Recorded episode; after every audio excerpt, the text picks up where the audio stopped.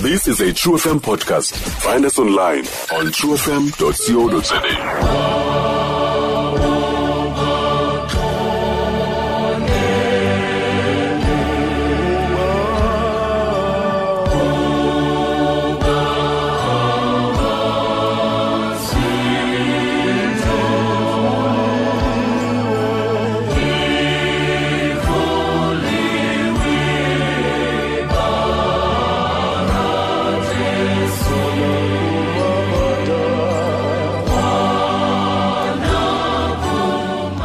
Nkosi yoxolo ke mayibe nani. Masimamkele umongameli. Mongameli wam mfundisi uPonoyi Qhinebe siyakwamkela. Postile kunye nevumele ndithi nebandla lonke liphela Amen.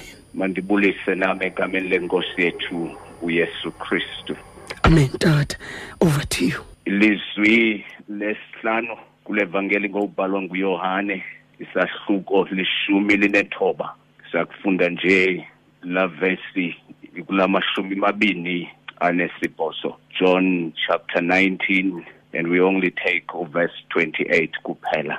Ngaphansi kwesihloko esithi ukufa kukaYesu. Ndicela ke siyifunde nabo sele beyifumene. uYesu wayesazi ngoko okokuba konke kugqityiwe ukuba kuzalisekiswe okuceliweyo ezibhalweni waza wathi uYesu ndinxaniwe eli lilizwi likaThixo uThixo hlala ezulwini sikelela ukufundwa kwelizwi lakhe ngoku kude kube ngonaphakade amen. Sigobe nje inhloko emthandazweni. Thetha nkosi ilizwi lakho lithethe kumqala uzulithethe kubantu bakho. Cima ke zonke izikhohlakalo zam uzundivumele nkosi ndimele izwi lakho. Egameni lenkosi yethu Yesu Kristu. Amen. Amen tata.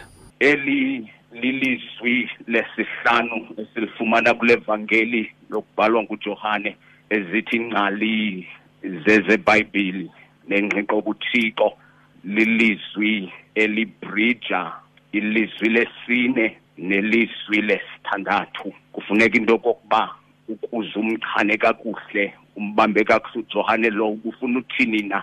Ngeli lizwi kube kanti ulivile eli lizwi likaJo lapha ngasentla lesine libe kanti amehlo akho wabekile kwela lizwi liza kulandela lesithandathu.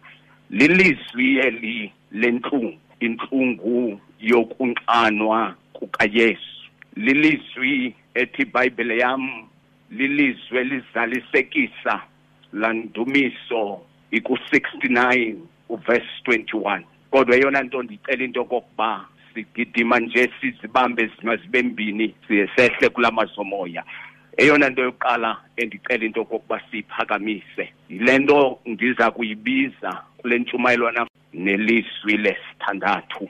Kufuneka into kokuba ukuze umchane kakuhle umbambe kakuhle uJohane lo ufuna uthini na ngeli lizwi kube kanti ulivile eli lizwi likajola lapha ngasentla lesine libe kanti amehlo akho wabekile kwela lizwi liza kulandela lesithandathu. Lilizwi eli lenhlungu inhlungu yokunxanwa kukaYesu. Lilizwi ethi iBhayibhile yam lilizwi elizalisekisa landumiso iku69 uverse 21 kodwa eyona nto ndicela into kokuba sigidima nje sizibambe zingazibe mbini. Si siyesehle kulamazomoya eyona nto yokuqala endicela into kokuba siyiphakamise yile nto ndiza kuyibiza kule ntshumayelo namhlanje i-connection.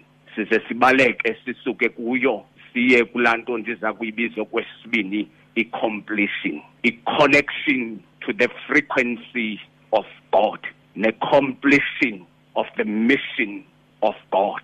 Eli lizwi lomqanwa bathi ababhali licacisa ncakasane into yokulahleka kwe-connection. Lesiyibona kakuhle kwesi sithwanguba sigqiba ukwehla pha ngentla kweli lizwi lesine. Yalahleka i-connection phakathi kolizwi nothixo. Ithi ke embhali ulizwi wanqanela uthixo nokubuyiselwa kweconnection yakhe kuthixo ngokuba xa ilahlekile iconnection. Uyanyanzeleka into kokuba umntu anqanwe xa ilahlekile iconnection ayizuphumelela imission kathixo le uyesu wayizela emhlabeni.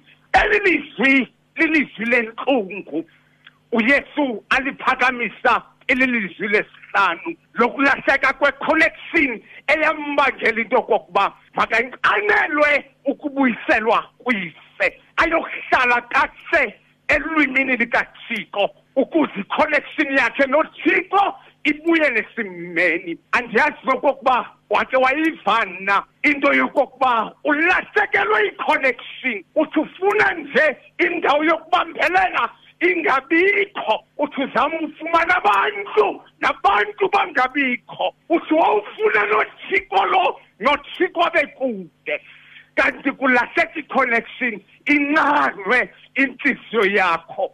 Kuvakala lo mqulu wasekhaya esithi ndamnqanelwa ngakho konke ndalila ndalila ndimfuka ndalahla izinto zonke kwabe kulahleke yona. Iconnection sidibana noyesu apha.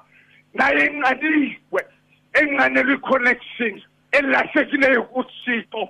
Ngoba uyayinqanwa intliziyo yakulahleka iconnection. Kuvakala umqulu esithi inqaniwe inhliziyo inqenela uthixo.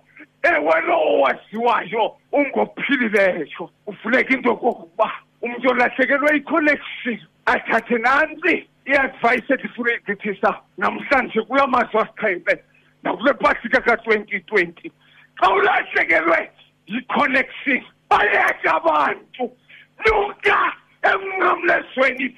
Noyesu uconnecte kwi-connection yezulu ukuze uthixo oneliswe umphefumlo wakho nenhliziyo yakho. Uzuthi wawunyuka.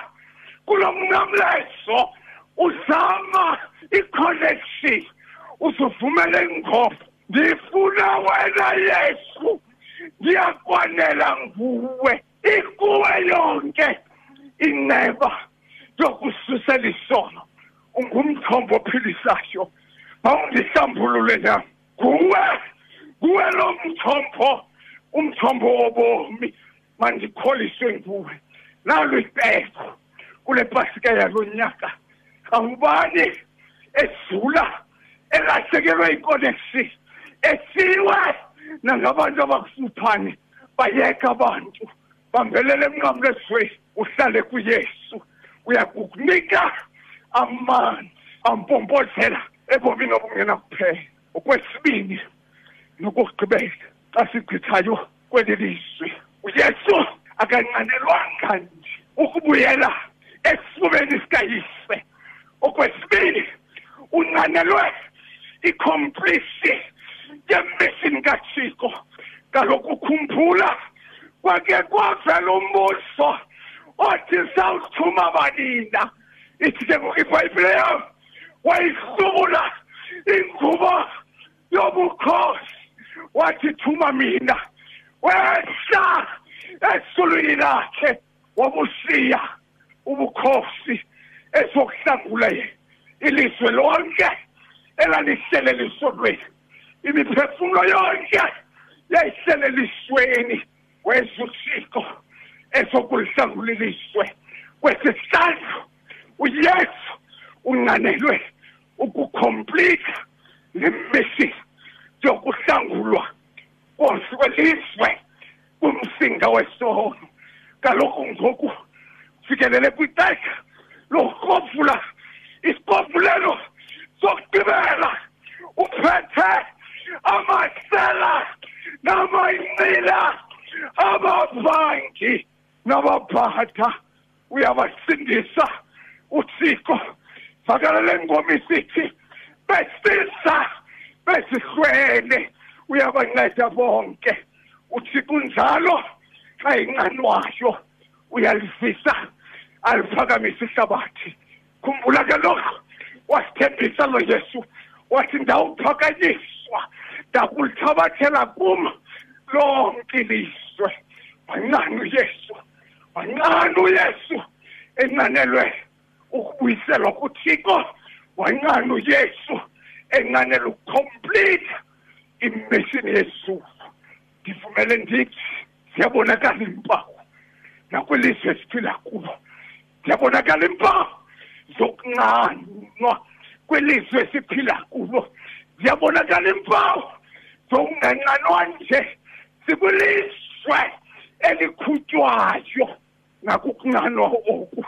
Kaloku bona linqaniwe ilizwe linqaniwe lilizwe athi umpostile upawulos linqaniwe ilizwe liyanqwina nathi siyanqwina ngoba sinqanela uthixo linqaniwe lilizwe nazi impawu ezibonakalisa into yokokuba linqaniwe lilizwe xa sihlaselwa zizifo sesivala neenkonzo zepasika kufuneka into yoba basenze ezinye iindlela zokuqhuba inkonzo uboyazi into yoba liyanqana usizwe liyanqana ilizwe liyalila liyanqwine lilizwe kaloku bona xa ilizwe lihlukumeza abantwana libulala amaxhegokazi linqaniwe lo lizwe lifuna uthixo. Khumbula ke into yokokuba xa linqaniwe lizwe ayikho enye indawo esinofumana iconnection kuyo. Ngoba pha ngaphantsi uncedo alukho apho ngaphantsi ubomi bukho phaya phezulu siyalangaselela apho umncedi waboni wovela khona. Ithi le mkhoma yes inguwe onokusindisa kwilizwe elinqaniweyo nguwo nokuphilisa. Sesibambile kwesakho isandla sesithembele kwawakho amandla postile Yes, Mongameli. onqaniweyo Asivala. onkulumo nguyesu kuphela Nkosi. thandaza ke Thandaza ke kuwe. uthixo makasincede Ewe kule Nkosi. pasika inje kwipasika elilayo Nkosi yam. kwipasika esezindlini uthixo makasincede Nkosi yam. kwixesha le-lockdown lilixesha leso- le- le- lokuvalwa kwezinto kodwa siyazi into yokokuba My God. sisezawuvula izinto we will march on Amen. nakwixesha elinje Amen. we will march on Amen. nakwixesha elide elinje Amen. sisiya kuthixo Nkosi. simcenga uthixo Amen. sisithi hamba nathi nkosi Nkosi yam. usisike amanzi hambani ke bakhonzi Ah, elodwelele Ah. nawungqina lingqine Heya. inyameko zazo My God. namhlanje sikwi-lockdown Yes. kodwa ngomso sawusela amanzi ovuzo Amen. phezu kwentaba Siyabonga. uthixo makabe nathi Nkosi ngoku Dade. kude benguna phakathi amen Amen. Nkosi, inkosi yoxolo mayibe nani. Sibulela kumongameli yena ke umfundisi uBonoyi. Siyabonga bazalwane, siyabonga. Stream True FM online on truefm.co.za. sikho yonke indawo ngalo lonke ixesha like no one else